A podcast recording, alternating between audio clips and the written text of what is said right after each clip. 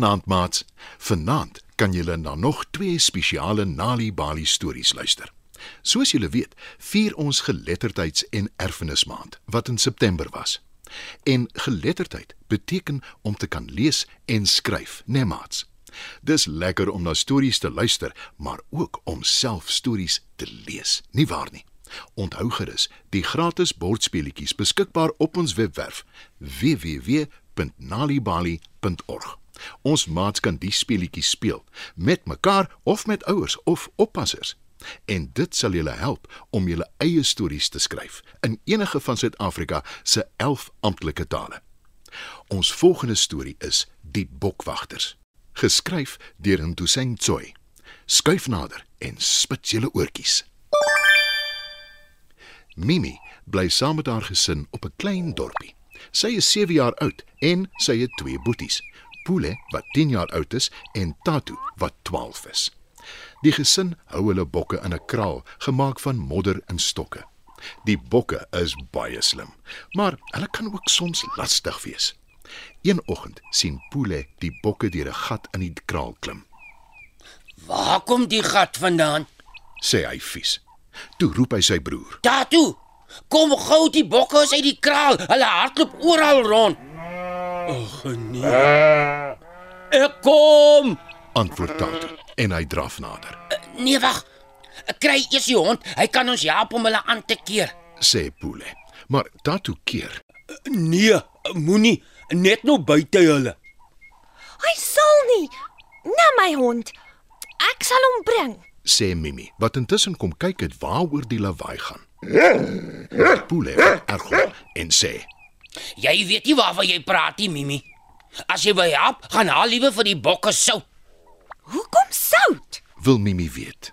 "Sommer." sê Pule moedswillig. Tatu kan sien Pule is kwaad en hy verduidelik vir sy kleinsus. Die bokke is dol daaroor en dis goed vir hulle. Dis vol minerale en sulke goed. Mimi weet nie wat minerale is nie. Sy wik en weeg of sy haar boeties moet vra. Nou voel Pule sleg en hy sê: Sout is vol minerale en goed. Minerale help dat hulle nie maklik siek word nie. Tatu, gaan saam met Mimi en wys haar waar ons die bokke se soutpere. Tatu en Mimi gaan haal die sout. Pule lok die bokke terug in die kamp daarmee en hy en Tatu maak die gat in die heining toe. Nadat die bokke hulle sout opgelek het, sê Pule: Nou kan ons hulle veld toe vat om te wy. Hy fluit vir die bokke en Tatu maak die hek oop. Omdat die bokke gewoond is daaraan, volg hulle Tatu en Pule. Mimi loop agterna en vra: Mag ek saamkom asseblief? Nee, Mimi, jy's te jonk en net seuns kan bokwagters wees. Antwoord Pule ferm. Maar Mimi gooi nie so maklik tou op nie en sê: Ek sal die baba bokke oppas. Wat daarvan? Uh, nou goed dan. Maar jy beter goed na hulle kyk en ek wil nie gekla hoor nie. Antwoord Pule. Mimi verseker haar boetie opgewonde sy sal. Die drie van hulle loop na die veld toe. Dis 'n end van hulle huis af. Daar aangekom, wy die bokke aan die groen sappige gras. Mimi hou die hele tyd die baba bokke dop. Later die dag vat hulle die bokke na die rivier toe om water te drink. Mimi volg haar twee boeties, Pule en Tatu, en sy glimlag toe sy sien hoe vrolik hulle agter die bokke aanhuppel. Nadat die bokke water gedrink het, vat die drie hulle terug veld toe om vir oulaas te wy. Teen laatmiddag is dit tyd om huis toe te gaan. Tatu se werk is om die bokke te tel voordat hulle huiswaarts keer. Pule en Mimi skrik toe hy sê: Een van die baba bokke is weg. Mimi skrik die heel grootste, want dit is haar plig om die klein bokkies op te pas. Sy begin om verskoning vra, maar haar boeties keer haar en almal begin soek na die bokkie. Mimi kyk oral tussen die bosse en toe, skielik, roep sy: Tata! Pule, kom hier. Maak gou. En daar sien hulle die bokkie in een van die digte bosse. Hy blær van die pyn. Die arme ouetjie het sy voet seer gemaak. Kan nie loop nie. Sê Mimi, Als reg, ek sal hom huis toe dra. paai Pule. Tatu tel die bokkie op Pule se skouers. Hy lei die res van die trop terwyl Mimi langs Pule loop. Na 'n ruk sê hy: Ek was verkeerd. Meisies kan ook bokwagters wees. Jy het jou goed van jou taak gekwyt vandag, Mimi. Mimi glimlag breed. En dis nou haar beurt om vrolik te huppel.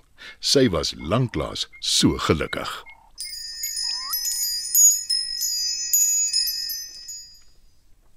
Dit was Die Bokwagters deur Ntuseng Choi. Ons volgende storie is 'n nuwe baba kom huis toe, geskryf deur Lerato Trok. Dis 'n snikwarm dag. 31 Desember, die laaste dag van die jaar. Dit was 'n moeilike jaar, want daar het 'n groot droogte geheers. Daar was nie eers een enkele druppel reën nie. Maar ten spyte daarvan is dit 'n gelukkige tyd vir Lesedi en haar gesin. Niks kan hulle opgewondenheid demp nie, want mamma gaan 'n baba hê. 'n Nuwe baba en 'n nuwe jaar. Ek kan nie wag nie. sê Lesedi die aand vir haar pa. Ja, die jaar kan nie gou genoeg verby wees nie. Ons kan net hoop volgende jaar is beter. Antwoord pappa. Hulle besluit om vroeg te gaan slaap, al is dit Oujaarsdag. Vroeg die volgende oggend, die 1 Januarie, maak pappa Lesedi wakker. Kyk buite. Sê hy. Lesedi spring uit die bed en kyk by die venster uit. Sy kan haar oë nie glo nie. Dit reën, Dis so waar 'n goeie begin van die nuwe jaar. Sê pappa. Lesedi spring op en af van blydskap en roep: Reën! Wonderlike reën. Dit kan nie beter nie. Sy draf na pappa en mamma se kamer toe om soos gewoonlik vir mamma goeiemôre te sê. Maar sy steek vas. Mamma is nie in haar bed nie. Toe vra sy: Waar is mamma? Ons sy is saam met ouma hospitaal toe. Die baba is op pad. "Antwoord pappa." Lesedi kyk verbaas na hom en vra: Moet ons nie ook daar wees nie? Pappa verduidelik dat dit nie die plek is vir kinders nie en dat hy aangebied het om by haar te bly. Sodra die baba daar is, sal ouma laat weet. Sy woorde is skaars koud toe sy foon lui. Pappa antwoord en gesels met ouma. Toe sê hy vir Lesedi, Jy het 'n sussie. Jippie! Roep Lesedi. Toe vra sy, Wat is haar naam? pappa glimlag en antwoord. Kom ons wag vir mamma, dan besluit ons saam. Lesedi glimlag breed. Die volgende dag kom mamma en die nuwe baba huis toe. En die naam waarop die drie van hulle besluit het is Pulane, Want sy het die reën gebring. Na mamma. sê Lesedi. O ja. Antwoord mamma, want Pula beteken reën in Setswana. Dit was 'n nuwe baba kom huis toe, geskryf deur Lerato Trok. Vanaand se stories is aangebied deur die Nali Bali leesvergenot veldtog in samewerking met SABC Education as deel van geletterdheidsmaand vieringe.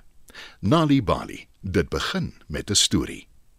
En nou luister ons na Gey Korsten se ABC.